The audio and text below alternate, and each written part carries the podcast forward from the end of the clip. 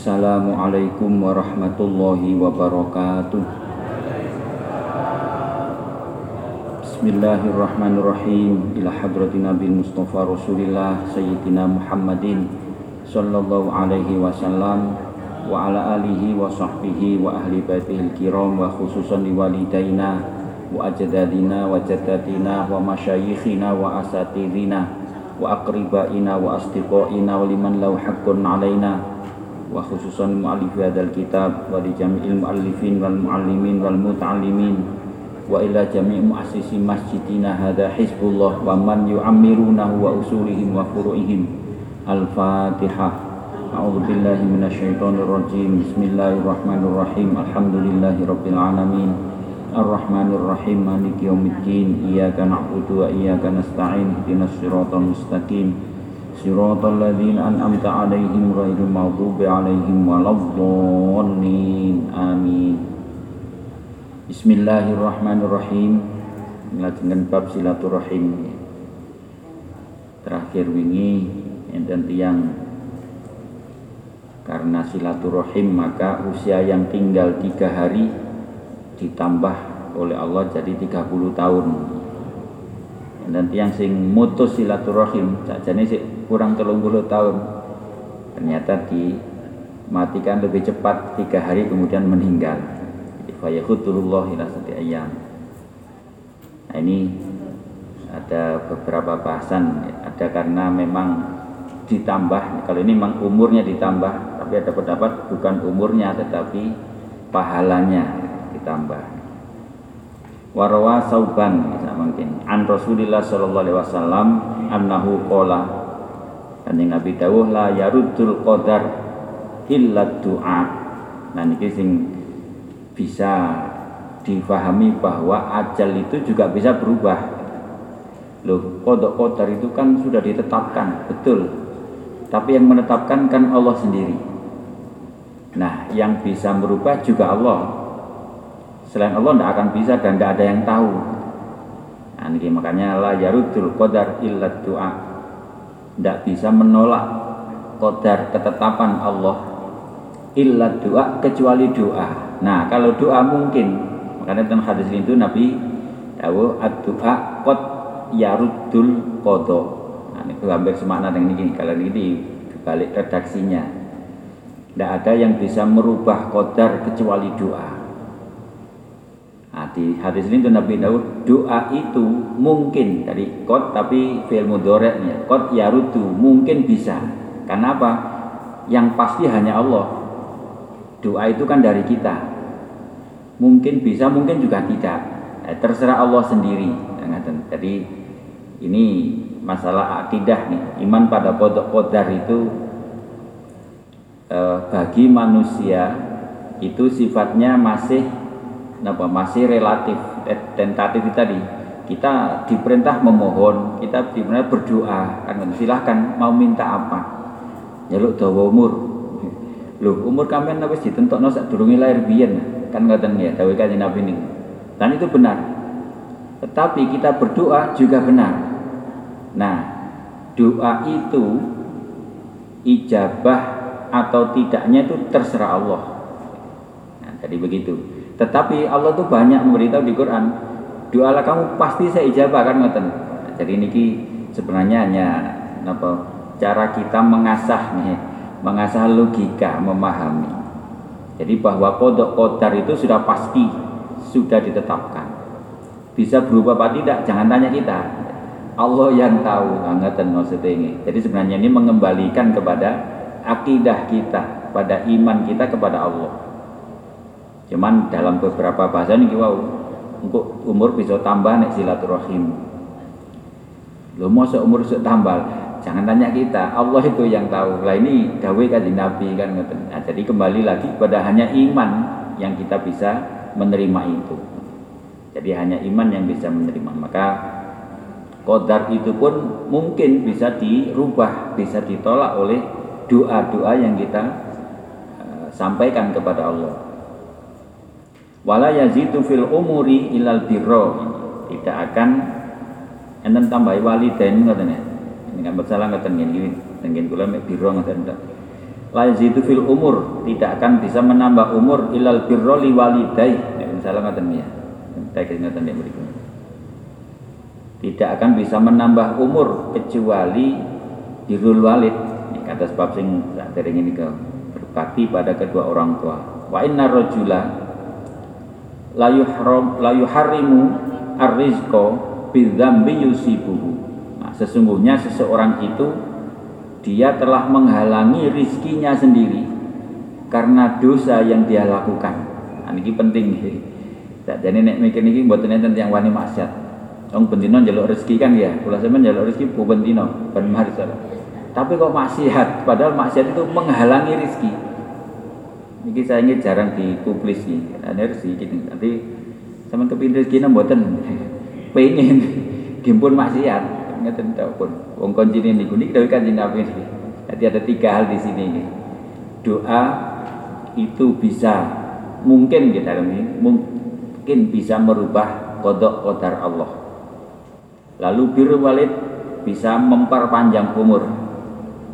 Maksiat atau dosa itu menutup pintu rizki. Mestinya orang takut maksiat nih. Wong kuatir lebih khawatir kau oleh rezeki bang maksiat kan Padahal itu berhubungan ini. Penentu rizki itu ya kita itu maksiat apa tidak. Nah ini maksiat ya berarti rezeki zaman zaman tutup dewi. Gak mergo wong Jadi bukan karena siapa-siapa. Karena dosa kita itulah kita berarti menghalangi. Jadi yuharim itu menghalangi, mengharamkan rizki. Hadis ini Hasan.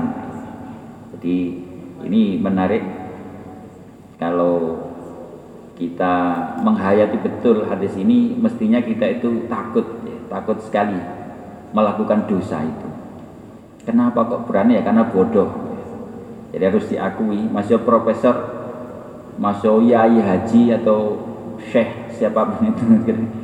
Biasanya like, temenan ya mesti ini buat nonton mesti paham niki. Cuma karena rata-rata kita ini ya niki wow ndak Napa kurang teliti, ini kurang cermat hadis-hadis seperti ini. Yang sederhana, mudah difahami, tidak jelimet, pokoknya nek pengen rezeki jam maksiat, bener tentu maksiat iku atau dosa iku nek mriki adzambu yuharimu rizqa. Dosa itu nutupi rezekimu dhewe. Jadi kon lek oleh rezeki ya salahmu dhewe. Mesti dengan rasan-rasan. Senengane ndelok aurat, senengane macam-macam ya.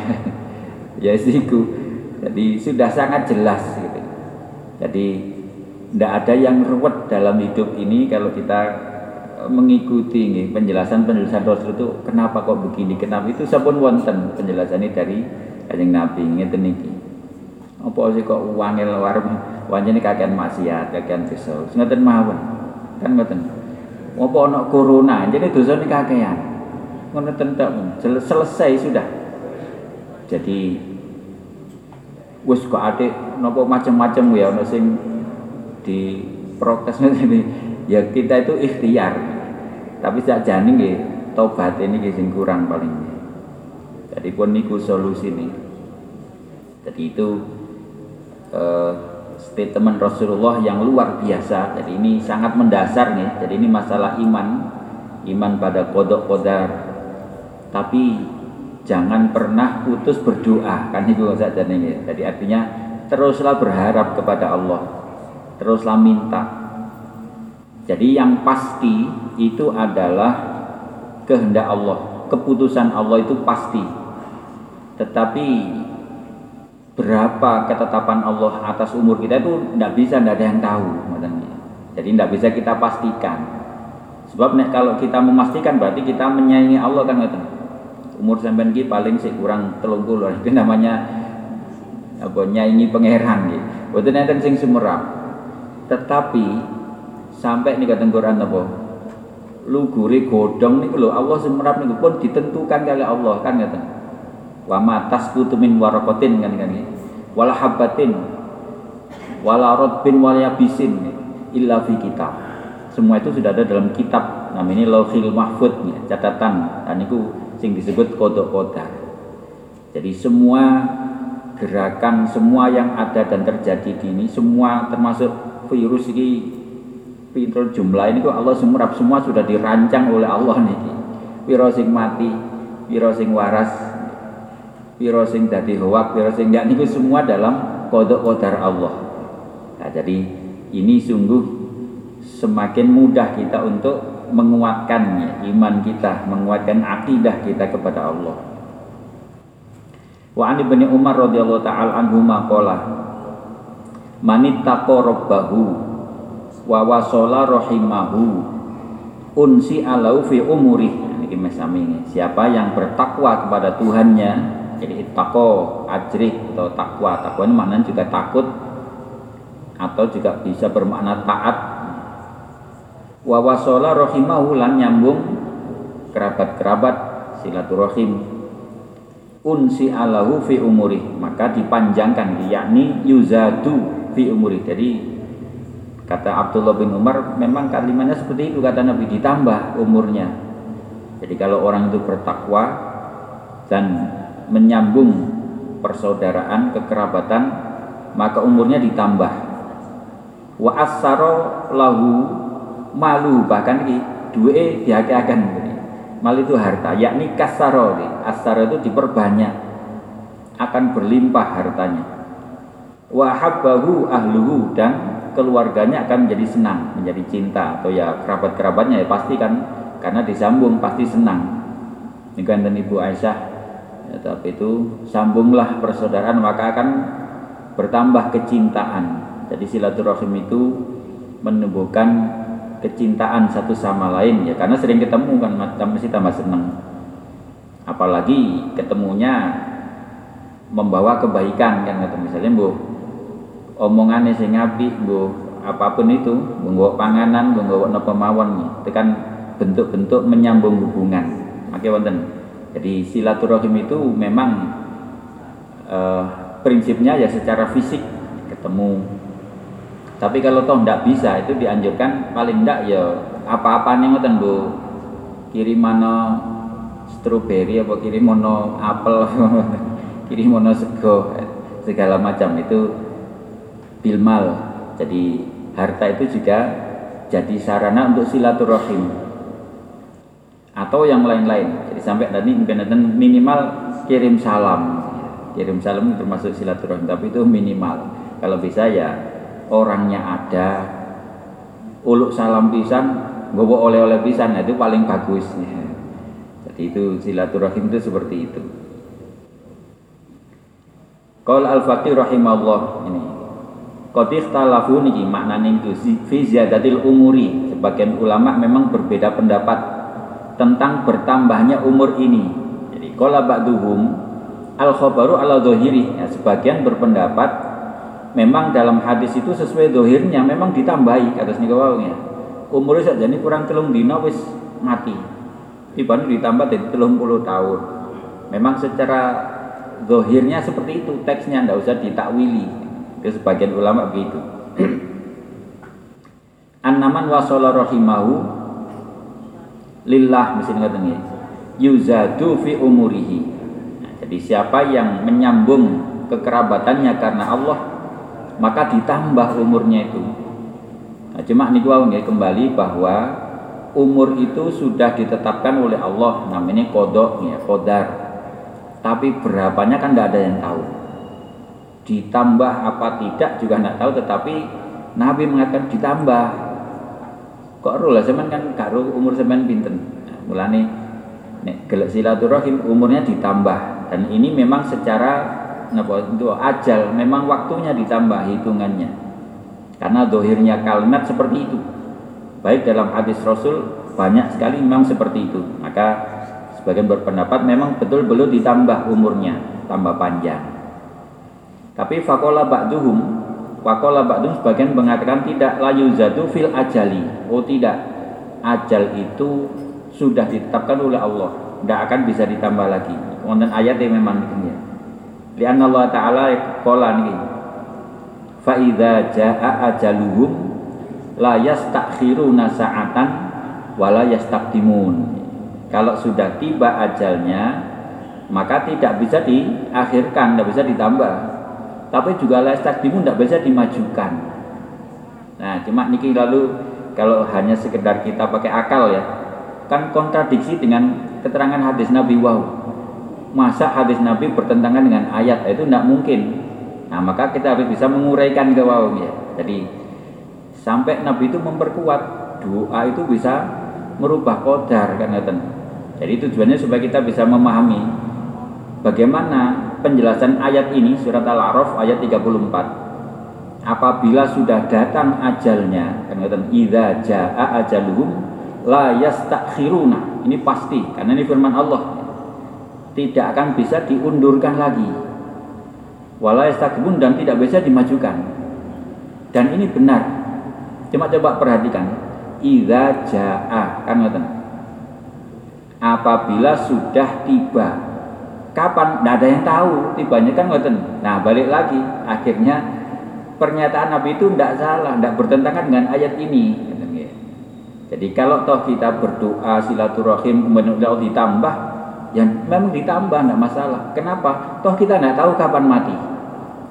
Sinten sing sumrap umur kulosman ditambah napa mboten? Kan tidak ada yang tahu. Masuk ali silaturahim pisan kan mboten sumrap. Gitu cuma itu kata Nabi kan ya tentu. Nah, lagi-lagi inilah yang harus kita imani. Jadi kalimat ini jangan ditafsiri secara sempit. Jadi kalau Ida jaa jamnun sakhiruna sa'atan terus nggak bisa ditambah maisulaturahim enggak nah ini kan lalu bertentangan dengan hadis Nabi. Hadis ini patok bangkrong gak paham kalimat nih kalimat coba dicermati. Ida jaa apabila sudah datang kapan datangnya? Nggak ada yang tahu. Itu kodar Allah. Jadi kembali kepada ketetapan Allah.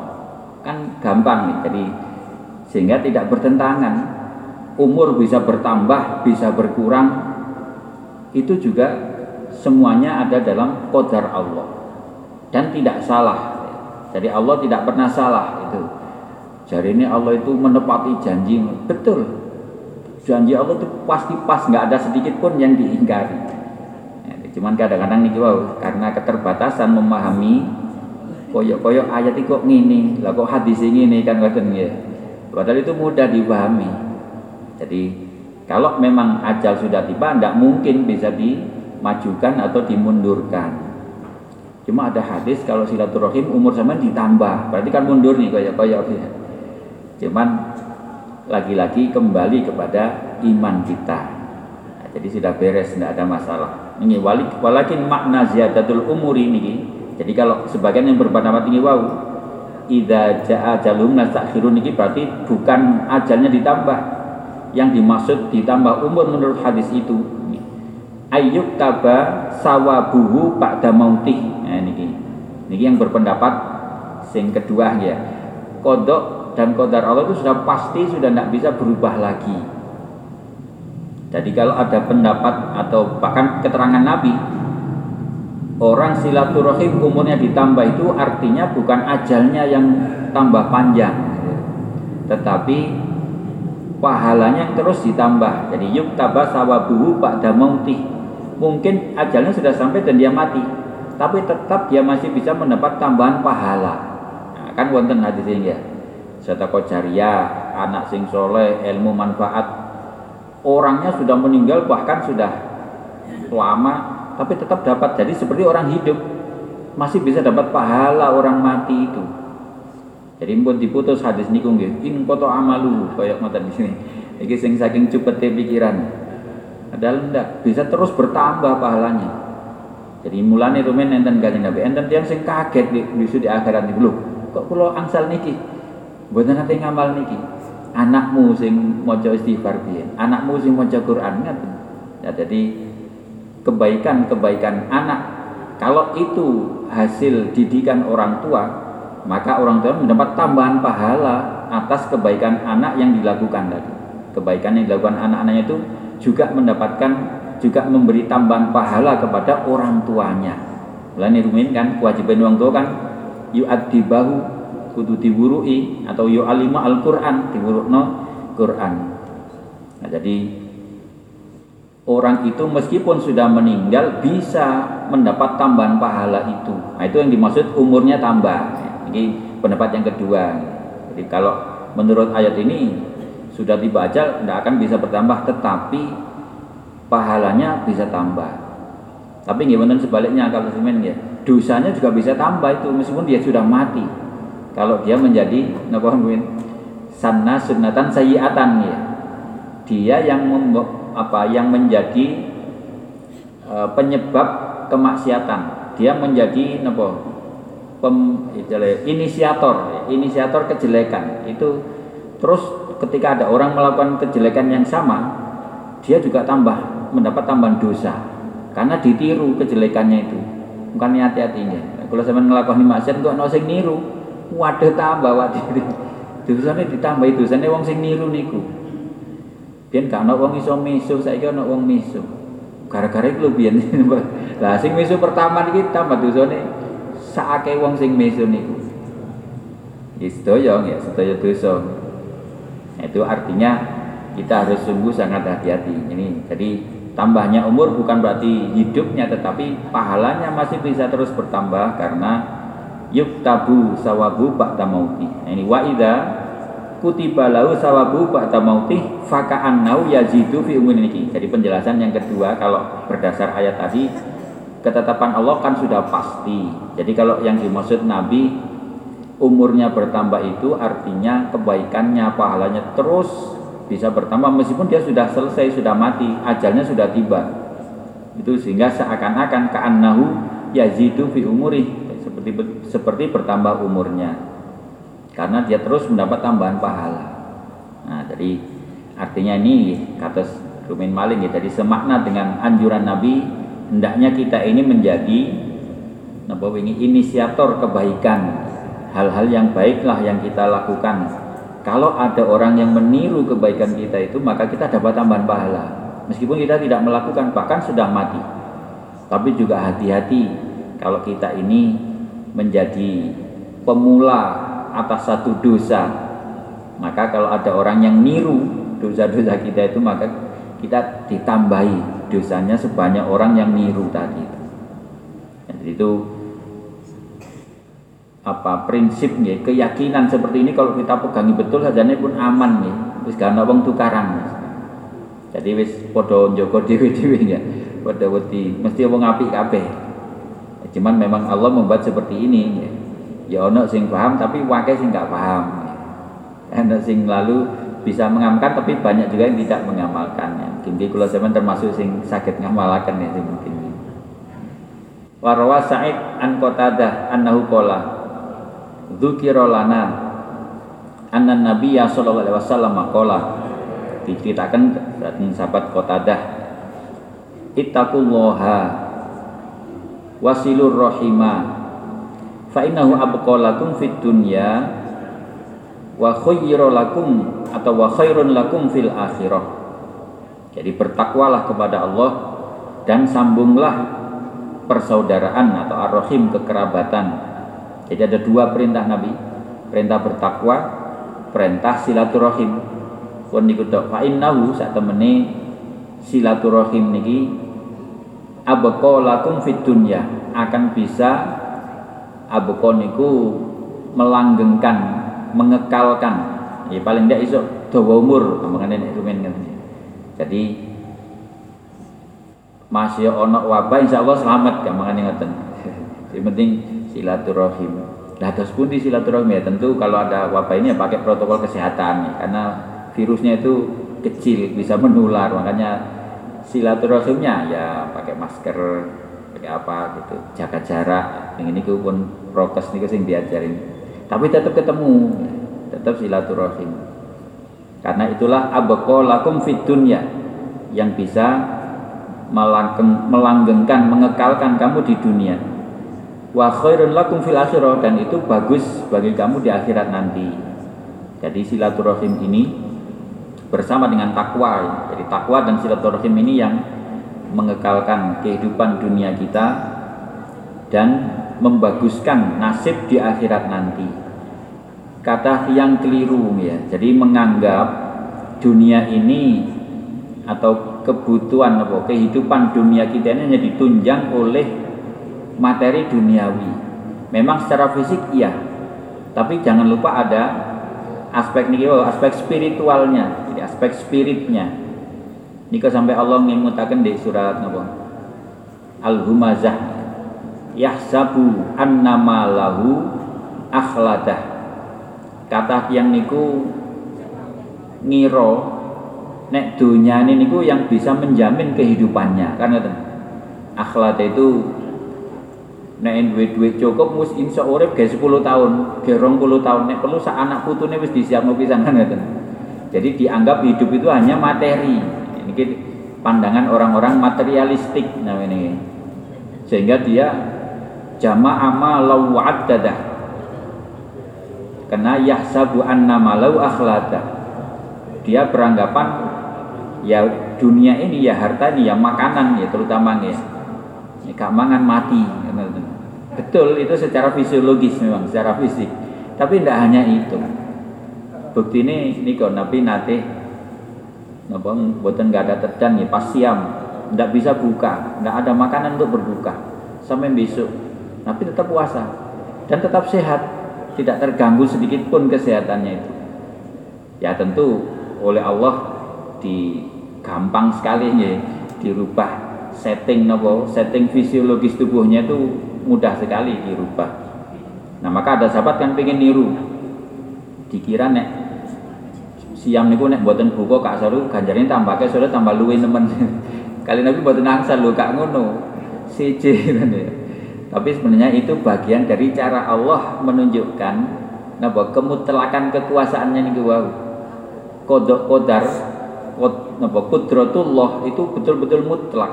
Jadi kamu hidup atau tidak hidup itu bukan semata-mata karena faktor fisik saja. Betul, sakit apa tidak sakit bukan semata-mata faktor virus saja, banyak faktor lain.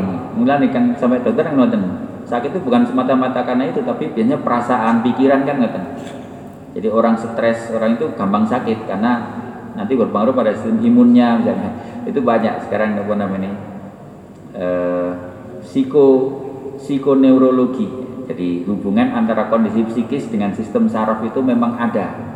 Meskipun yang psikis memang tidak bisa dimaterialkan, tidak bisa di empirik, tidak ada buktinya itu, tidak ada bendanya. Cuman 70% itu banyak penelitian para dokter itu 70% kondisi kondisi fisik itu terkait dengan kondisi kejiwaan, pikiran, psikisnya. Jadi Makanya Islam itu mengajari ini gini, pikiran yang rileks, yang senang gitu, yang gembira kan kan. Bashiron wa nadiron. Nadiron juga ada peringatan-peringatan tapi nggih buatan ancaman nih, cuma dielingno iku lho bahaya aja ngono kan. Tapi yang banyak itu basyir, memberi kegembiraan, menyenangkan. Itu eh, memang ada hubungan antara kondisi fisik material dengan kondisi psikis atau mental. Nah, di situ kemutlakan kekuasaan Allah uh, yang menentukan.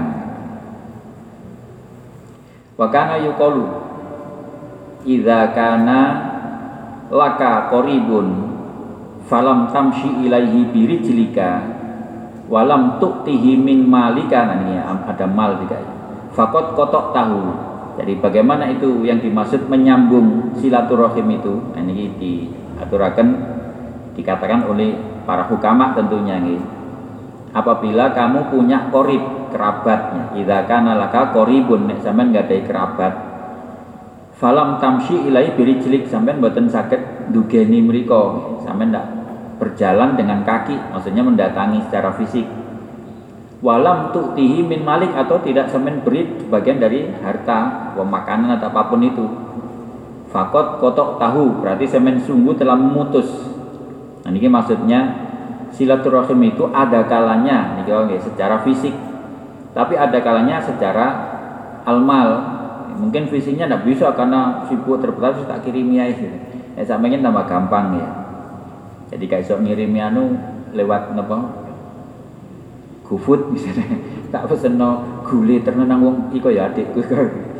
Moro-moro niki enten kirim lho itu kan di ternyata dari sapa dulure napa tanggane saat ini tambah gampang nih. Kirim-kirim nopo nopo nih pun karek. Semen nggak ada HP nih gue sisa kirim sembarang pun. Kirim gule kirim undi-undi kirim nopo mawon teng kirim duit nggih saged. Sakniki sampeyan transfer niku arek teko HP tok pun. Adikku sing di kono tak kirimi duit sak juta sakit pun karek nutul tok pun. Ora adik sampeyan kirimi. Oh iya rekeningku tambah. Nah, jadi niku sisi positif silaturahim niku ya. Nah, jadi silaturahim itu kalau kita tidak bisa secara fisik ya paling tidak min malika. Sebagian harta kita inilah oh nek ngono sih nyambung ya. Oh sih dikirimi aku sih ditransfer. Oh tiba-tiba dikirimi anu. Jadi itu bentuk-bentuk silaturahim. Jadi kalau bisa memang secara fisik tapi kalau ndak minimal minimal kalau ndak dua-duanya berarti sampai mutus gitu jadi ini paling ndak salah satu. Syukur kalau bisa dua-duanya. Nggih wong teko nggawa undi-undi pisan ya dilengkap pun. Wafi pak di suhufi ya, di sebagian suhuf jadi suhuf niku wahyu dari Allah kepada nabi-nabi. Sebelumnya kata Nabi Musa kali Nabi Ibrahim. Sebagian malah nggih wonten Nabi lintune. Mak jarang di disebut. Mimma anzalallahu ta'ala di antara yang diturunkan oleh Allah ya ibna Adam sil rohimaka bimalika nah, ini memang ada perintah langsung dari Allah jadi ya ibn Adam kan nih, nek kula niku kata Adam niku wong delok kok gak enak tiba nih kurang ana sing ilang kalimatnya. Ya ibn Adam bi menungso an Adam sil rohimaka sambunglah kerabatmu bimalika dengan hartamu. Jadi makanya harta itu salah satu fungsi utamanya adalah untuk silaturahim, untuk menyambung kekerabatan. Jadi tentu orang makin punya harta yang banyak makin besar peluang silaturahimnya kan ngoten? Misalnya panjene ono men dulure ono sing di mriko misalnya di Makassar. Nek kan kudu numpak pesawat numpak kapal kudu duwe akeh kan duwe ya kepengin tok kasih budal. Paling enggak duwe HP nek saniki ya. HP sak WA gitu. Nah, itu itu bagian dari harta yang berfungsi untuk silaturahim. Memang diperintah oleh Allah. Jadi hartamu itu salah satu fungsi utamanya adalah untuk menyambung ini. Karena dengan harta itu kamu bisa kamu bisa nyambung kerabatmu itu nah nek kita tambah atas tambah lali nih itu penyakitnya napa kebodohan yang menungso ya mesti ini dengan harta itu dia bisa tapi malah Nah ini kita terus sih fa'in bakhil ta niki. Nek pancene sampean bakhil eman-emanan nulis kadung akeh tapi eman bimalika niki. Au killa malika atau memang sedikit memang nggak punya ya. Jadi ada kalanya punya harta tapi bakhil. Atau memang nggak punya. Kue awat ini pas-pasannya tadi kadang-kadang kurang-kurang titik. Maka famshi ilahi, nek panjenengan nggak punya harta untuk silaturahim bisa men parani mawon pun famsi samen melaku ilahi kepada rohim tadi kerabatmu. Biri jelika ya dengan kaki. Mungkin gak bisa numpak motor dan sepeda. Bisa parani melaku mawon pun biri jelika maksudnya ini kalau punya kendaraan ya pakai kendaraan. ya. Silahkan. Jadi rijlun itu buatan semata-mata bermakna kakinya dan ini memang kalimatnya ngoten mulane memahami teks niki teks ajaran-ajaran ini tidak selalu tekstual istilahnya. Kemudian Pak Yani ada konteksnya. Misalnya wong nek melaku nang masjid itu setiap mengangkat kaki kan itu ya melangkah itu kan diangkat terus napak. Itu pun ganjarannya luru ganjaran ini ngangkat sikil tengen ganjaran ini napak no sikil tengen itu ganjarannya pun luru. Sikil kieu ngoten nek melampah kan ngoten bolak balik jadi wakai nek mulane nek saya nang masjid milo dalan sing adoh muter dadi ambake langkai. Tapi pun sampai ketinggalan. Nek ketinggalan jamaah nggih mboten jadi artinya napa? Ya berangkatnya sing luwih awal sadurunge ngoten wis budal kan ngeten nek kira-kira dalane adoh. Nah niku teksnya seperti itu. Lah nang masjid itu mak motor kan melangkah belas iku ya napa niki? Ganjaran apa luwih titik. Nggih mboten. Gitu tergantung lah, semen motor tunggu ada bensin, di nyervis, gitu itu dapat pahala juga kalau dipakai untuk ibadah untuk silaturahim. Nah jadi memahaminya jangan hanya ini. Mungkin mari sepeda motor di jarno gak di starter starter akhirnya nggih nayeng. Sampean damel nang masjid sepeda motor niku. Lah ya apa pun wajar malaikat luwih pinter ngitung ya jadi buatan kalah kalau sing melaku dan masa nggak ada sepeda motor kita tetap nilai langkah kaki itu tidak berkurang sedikit pun. Mancalnya masuk bisa nih langsung. Saya malah kali mancal double starter ini tok. Ini tambah enak nih jadi tetap pahalanya tidak akan berkurang bahkan bisa lebih makanya tadi jadi bukan semata teksnya niku nih tetapi konteksnya nih gitu ya jadi ya kalau ke masjid yang baik dipersiapkan segalanya lebih awal setelah itu yang nilainya tinggi jadi kenapa dulu Nabi pakai itu? Waktu itu memang orang umumnya jalan kaki kan dengan sepeda motor dia. Paling ngono unta itu menjadi jarang dia. Mulane setiap langkah kaki dapat pahala niku sing kathah waktu niku tiangnya manjane mlaku nek masjid. Lalu sana iki sepeda motoran nggih numpak motor barang tetap nilainya sama. Jadi ini sehingga lalu hadis Nabi itu tetap berlaku ya meskipun bagi orang yang ke masjidnya naik mobil berlaku. Jadi memang tidak ada hadisnya nang masjid numpak motor itu buatan enten. Memang karena motor kan gitu. Kata sini kalau tinggal orang sing di tadi perdebatan. Sama nenek mari mau Quran diambung mushaf tidak ada contoh nabi. Memang guru nak mushaf zaman nabi waktu contoh nek nopo. Nah jadi ngoten mulai mulai angel agama dingin sebab kalau hanya pahala itu hanya jalan kaki maka orang ini sepeda motor nggak dapat pahala ke masjid. Kan ngoten. Masuk ngoten niku agama kan gitu malah wangil ya jadi nang masjid itu kudu melaku gak oleh nggak motor gak lagi lah ruwet malian. Nah, jadi niku pemahaman yang tidak kontekstual tapi ya itu jadi kontekstual saja. Jadi apa pun sarana prasarana yang bisa kita pakai untuk kebaikan ada nilai kebaikannya. Jadi tidak usah khawatir. Wakola Nabi jadi ini kau nek buatan sakit nyambung dengan harta paling tidak ya dengan kaki atau ya dengan apa saja yang bisa kita gunakan untuk menyambung itu. Wakola Nabi Shallallahu Alaihi Wasallam niki silu arhamakum walau bisalam. Jadi sampai minimal itu nih kirim salam ya. Silu sampean sambung arhamakum kerabat-kerabat sampean walau bisalami senaso namun kangge senaso dengan ucapan salam wah sampean kata nanti kata oh yang untuk kirim salam aja nang Pak Anu nang Di Anu Mas Anu. Nah, jadi itu minimal ucapan salam. Jadi Islam itu kan akan nih doa keselamatan. Jadi no selamat niku ucapan salam. Wis gak iso marani gak iso kirim apa-apa wis muga-muga selamat. Nah, itu namanya tasik silaturahim.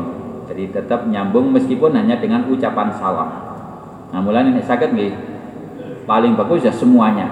Yang dungakno yang ucap salam. Orangnya juga datang yang bawa apa begitu yang menjadi sarana untuk semakin dekat. Kola Maimun bin Mahron salah satu asya'a al kafir wal muslimu fihinna sawaun. Enten tigang perkawis. Antara orang kafir dan orang Islam itu sama haknya maksudnya jadi dalam tiga hal ini kita tidak boleh membedakan. Kita tidak boleh apa namanya mendiskriminasi. Pertama man ahadathu man ahad tahu fafilahu bi ahdika musliman kana au kafiron. Yang pertama janji. Jadi man sinten mawon ahad tahu sing sampean nate janjeni sampean punya perjanjian apa? Nanti ketemu di sini ya? Ya nanti misalnya utang janji nanti bayar tanggal sekian ya itu namanya janji. Jadi janji ini wajib ditepati kepada siapa pun muslim maupun kafir. Jadi fafi lahu maka tunaikanlah. Jadi fi ini, ini satu huruf maksudnya wafa ya fi. Jadi fi lamar ya fi ngaten jadi fi itu tepatilah janjimu biahdika. Jadi lahu kepada orang itu biahdika dengan janjimu musliman kana au kafiron. Baik dia itu orang muslim maupun orang kafir. Kalau memang sudah berjanji harus ditepati. Dan itu yang dilakukan nabi kita ya. Nabi ini kata perjanjian dengan orang Yahudi orang Nasrani dengan orang musyrikin itu banyak perjanjiannya. Dan nabi menepati sehingga mereka tidak bisa apa-apa. Maka terjadinya perang itu sebagian besar karena mengingkari janji biasanya itu. Janji untuk tidak berperang tapi orang musyrik garai di sini mesti mau terjadi perang. Jadi peperangan di zaman Nabi itu bukan untuk menghabisi bukan untuk membunuh tapi untuk menegakkan keadilan. Ingin dan ceramah jadi untuk menepati janji itu. Domin nanti diceritakan. Nabi ini kadang-kadang dalam perjanjian seperti dalam posisi yang dikalahkan ini kalau apa perjanjian Hudaybiyah itu kalau ada orang kafir yang datang ke wilayah orang Islam harus dikembalikan. Kalau ada orang Islam datang ke wilayah kafir tidak boleh dikembalikan. Ini ngoten perjanjian Hudaybiyah itu. Kan kau merugikan orang Islam nih. Ngoten itu Nabi nerami, setuju. Lah sahabat-sahabat kadang-kadang protes. Nabi ini kok gini Nah, tapi paham ya Nabi itu pasti berdasar wahyu Nah baru setelah lama tahu hikmahnya itu. Nek ana wong kafir nang wong muslim dibalik no. Soalnya nanti kalau dia ndak apa ndak menjadi mukmin kan bisa jadi pengacau di situ. Dikembalikan tidak masalah. Atau kalau di situ lalu dia melihat kehidupan orang mukmin mungkin dia menjadi mubalik nanti di sana. Ternyata orang Islam itu baik hubungannya kan ngoten. Oh ada silaturahim, ada saling ini kan ngoten. Bisa menjadi juru dakwah baru, tidak harus kita datang. Dan sebaliknya nek orang Islam datang ke orang kafir wilayah kafir tidak usah dikembalikan. Kalau memang dia sudah imannya bagus, nah masalah hidup di situ malah jadi tadi itu jadi dakwah, jadi dai baru di situ. Loh itu strateginya Nabi. Jadi kalau dilihat secara dohir, kalau musuh ke sini harus dibalikan, kalau kita ke sana kok nggak boleh ditarik kembali. Oh ternyata ada hikmah besar yang tidak bisa dipahami secara lahiriah semata. Sudah banyak sekali jadi Nabi itu kalau berjanji pada siapa pun pasti ditepati. Mukmin maupun maupun kafir, muslim maupun kafir dan memang seperti itu. Jadi janji itu al waktu dainun ya kayak utang ya, harus ditepati kepada siapa saja. Fa innamal ahdu lillah ini. Karena sesungguhnya janji itu lillah kepada Allah ya. Wa man kanat bainaka wa bainahu qorobatun. Asing nah, nomor kali. Siapa saja yang memiliki jadi kanat bainaka bainahu korobah antara kamu dan dia ada hubungan kerabat. Itu ya ada persaudaraan kekerabatan. Fasilhu maka sambunglah kerabat itu.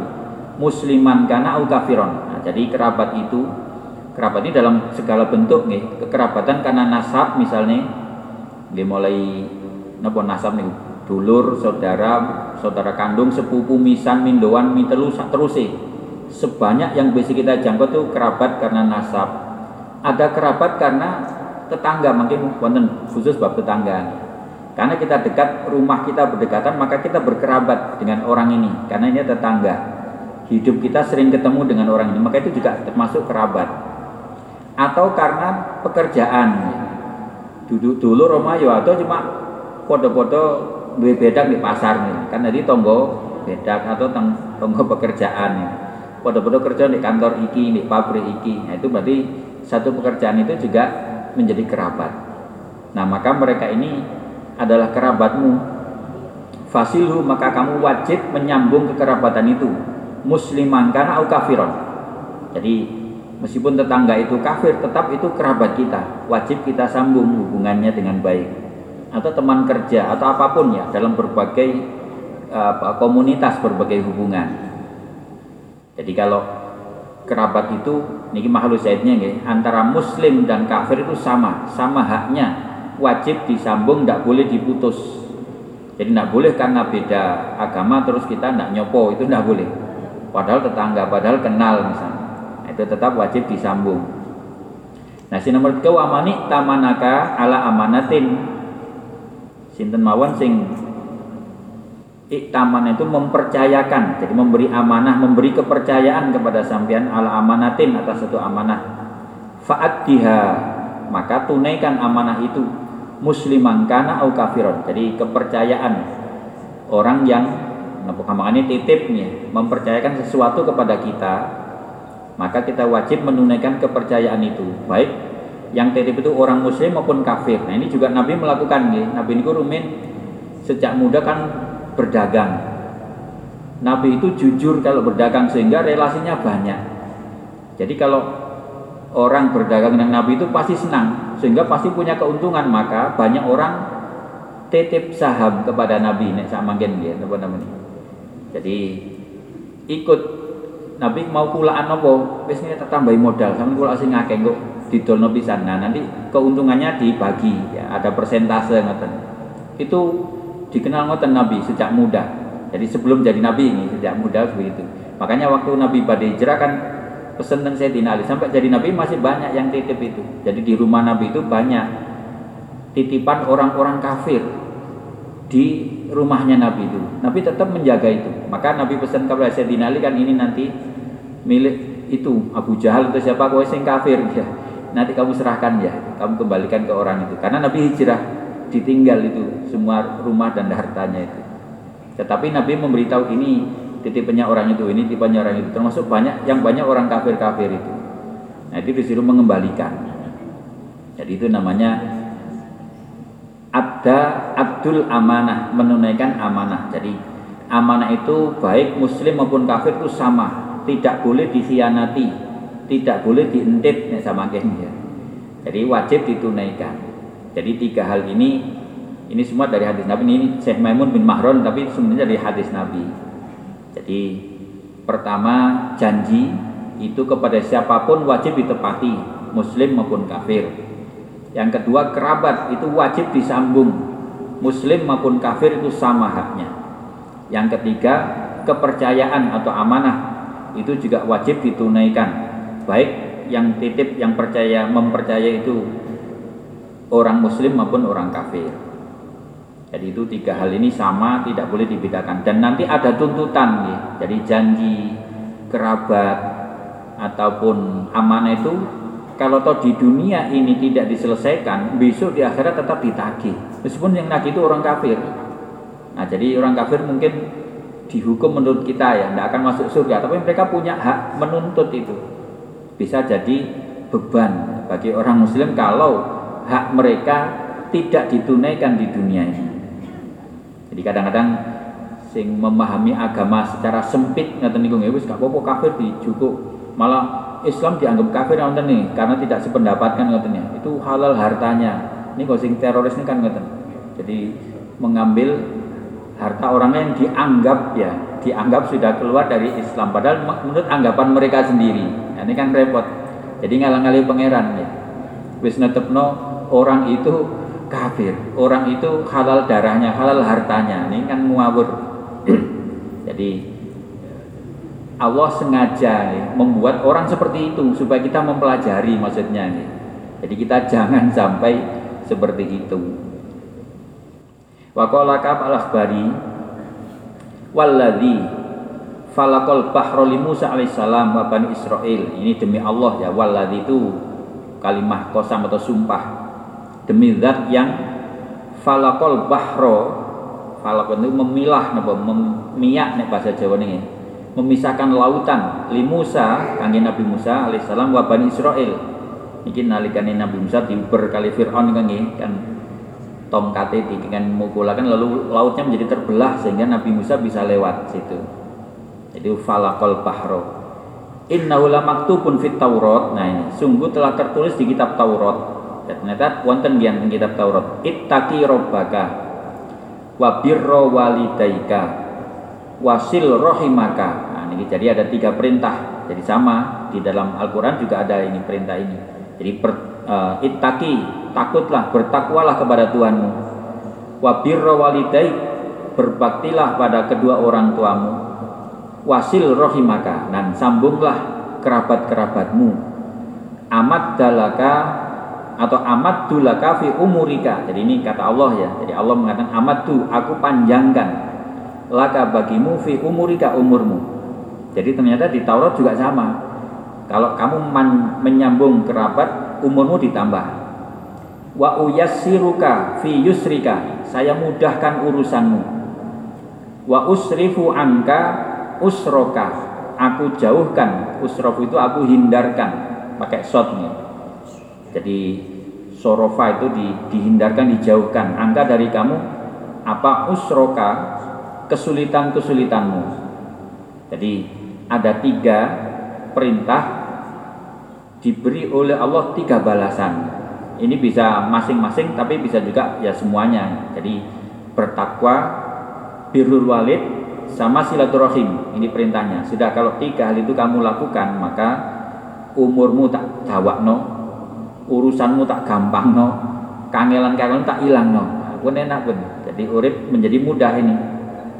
Jadi dalam situasi apa pun itu hidup kita mudah hidup kita napa niki? Amatun panjang ya panjang umur. Gak matian gak mana gak loroan. Jadi kuat gitu. jadi gak diluk-diluk watuk diluk-diluk masuk angin. Itu berarti ingkri-ingkri jadi nek eh, kepingin sehat tahun ini pun takwa silaturahim birrul walid. Ternyata itu di Taurat ya seperti itu ajarannya. Nah, artinya apa? Di ajaran kita juga sama ya seperti itu. Dan itu yang di ajarkan Nabi kita. Jadi kunci apa namanya ini? Kunci bahagia nih. Kunci sukses dalam hidup ini sehat, panjang umur, lalu urusan gampang. Wis angel belas pun sembarang gampang ini pangeran sing gampang ya. Uyasirulaka. Saya yang memudahkan. Nek uang mungkin ruwet mboten mer wong anjen menungso mesti terbatas. Tapi lek pangeran mudah itu, kano angel bagi Allah. Dan kesulitan usarifu atau usrifu atau usarifu laka. Aku jauhkan kamu nggak akan mengalami kesulitan. Nah, saja ini kan pun cukup nih kayak bekal uripnya. Opo sih awak dewi kok ruwet? Masalah rezeki ruwet masalah penyakit ruwet. Muka mungkin kurang takwanya atau birrul walid atau silaturahim gini itu sudah kunci hidup itu. Taat kepada Allah sepenuhnya namanya takwa. Dengan orang tua berbakti dengan kerabat-kerabat kita selalu baik, selalu nih nggih, apakah dengan fisik, apakah dengan harta atau apa pun lah, selalu menjalin hubungan baik dengan mereka. Nah, itu maka kunci kunci sukses dalam hidup seperti itu. Jadi akan dimudahkan, dijauhkan dari kesulitan di panjangan umur. Ini waktu amar Allah Ta'ala. Jadi Allah memerintah silaturahim fi mawadi'a min kitabi di banyak tempat dalam kitabnya. Dalam Al-Qur'an ini. Surat An-Nisa ayat 1 ayat 1 An-Nisa ini agak panjang. Jadi salah satu bagiannya itu wattaqullahalladzi tasa'alu nabihi wal arham. Jadi ada dua kalimat perintah takwa di sini ini. Misalnya ya amanut taku robbakumul ladzi khalaqakum min nafsi wahidah. Dan seterusnya kan terus ada lewat takullah dan bertakwalah kepada Allah alladzi tasaalu nabihi yang Allah adalah zat yang kamu nanti akan saling meminta. Jadi tasaalun itu maksudnya di akhirat nanti kita itu saling menuntut karena Allah. Jadi apa ya ini hak-hak kita yang memang sudah diatur oleh Allah tadi itu misalnya hak sebagai kerabat harusnya disambung kok kamu tidak nyambung gitu hak orang tua wajibnya anak itu berbakti kok kamu tidak berbakti? Bisa dituntut di hadapan Allah. Jadi karena karena aturan Allah kita nanti saling menuntut satu sama lain. Namanya tasa alu nabi. Lalu wal arham. Nah, ini perintah Allah. Jadi artinya ittaqullah fil arham. Jadi bertakwalah kepada Allah takutlah kepada Allah dalam urusan arham ini kerabat.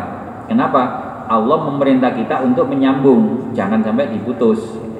Ini yakni ukhshullaha alladzi tas'alun nabi al hajat ini. Jadi takutlah kamu kepada Allah alladzi tas'alun nabi yang nanti kamu saling menuntut, saling meminta bihi karena Allah al hajat masing-masing kebutuhanmu.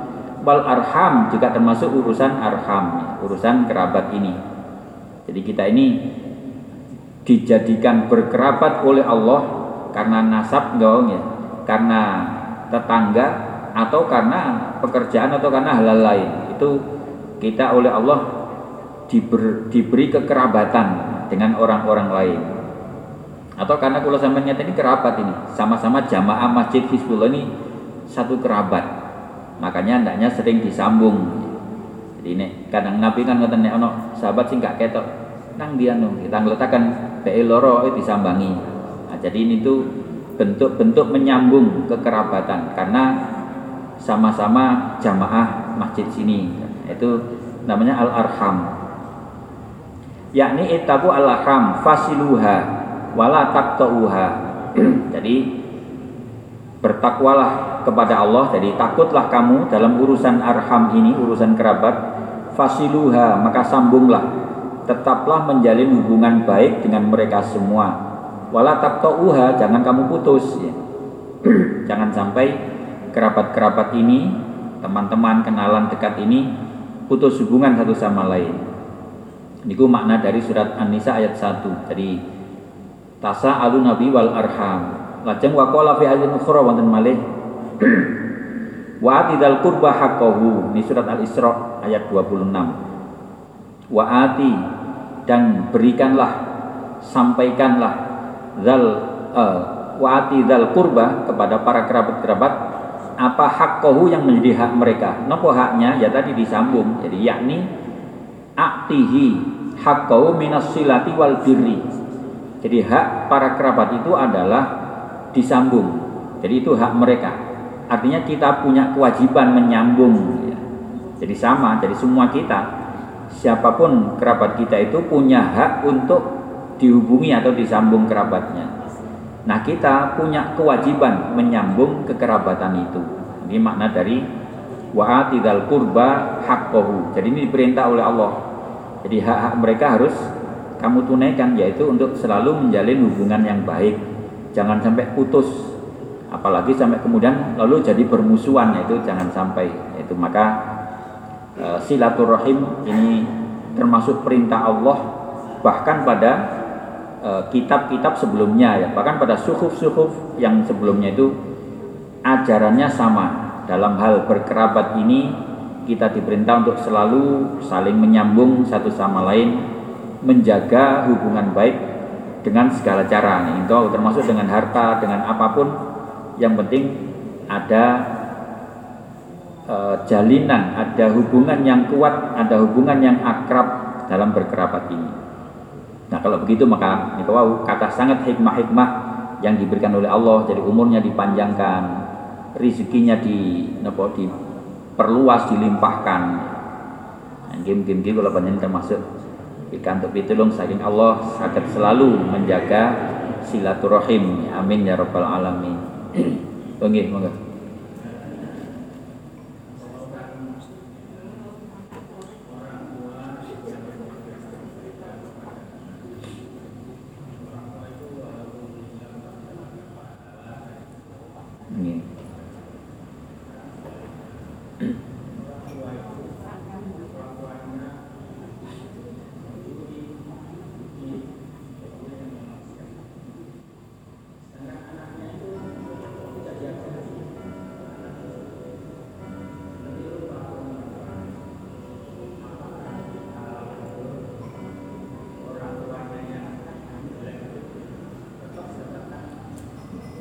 dosa. Ini. Jadi sesuai dengan kemarin bab sebelumnya kewajiban orang tua mengajarkan kebaikan. Kalau orang tua tidak mengajarkan kebaikan malah memberi contoh jelek misalnya. Akhirnya anak yo weleh pisan. Orang tua tambah dapat tambahan dosa. Nah, jadi begitu. Jadi uang jenis biar bapak maling anak maling pisan. Nah bapaknya juga dapat tambahan dosa setiap kali anaknya mencuri. Jadi sama. Jadi setiap ini meskipun tidak diajari, cuma kan dilihat. Ya. Atau mungkin mungkin tidak melihat ya, cuma ya memang nggak diajari kebaikan sehingga anaknya ini melakukan hal yang salah tidak diperingatkan oleh orang tua maka sebagai kewajiban tadi orang tua tidak melaksanakan kewajibannya maka dosa anak ini anak itu tetap dapat dosa sendiri orang tuanya juga mendapat tambahan dosa meskipun sudah meninggal jadi makanya kembali ke bab sebelumnya kewajiban orang tua ya ayu adibahu ya harus mengajari tata krama mengajarkan hal-hal yang baik bagi anaknya itu. Astaghfirullah Rabbal Baroya Astaghfirullah Minal Khotoya Rabbi Zidni Ilman Wa wafiqni amalan solihan maqbula Subhanakallahumma wa bihamdika ilaha illa anta astaghfiruka wa atubu ilaik. Assalamualaikum warahmatullahi wabarakatuh.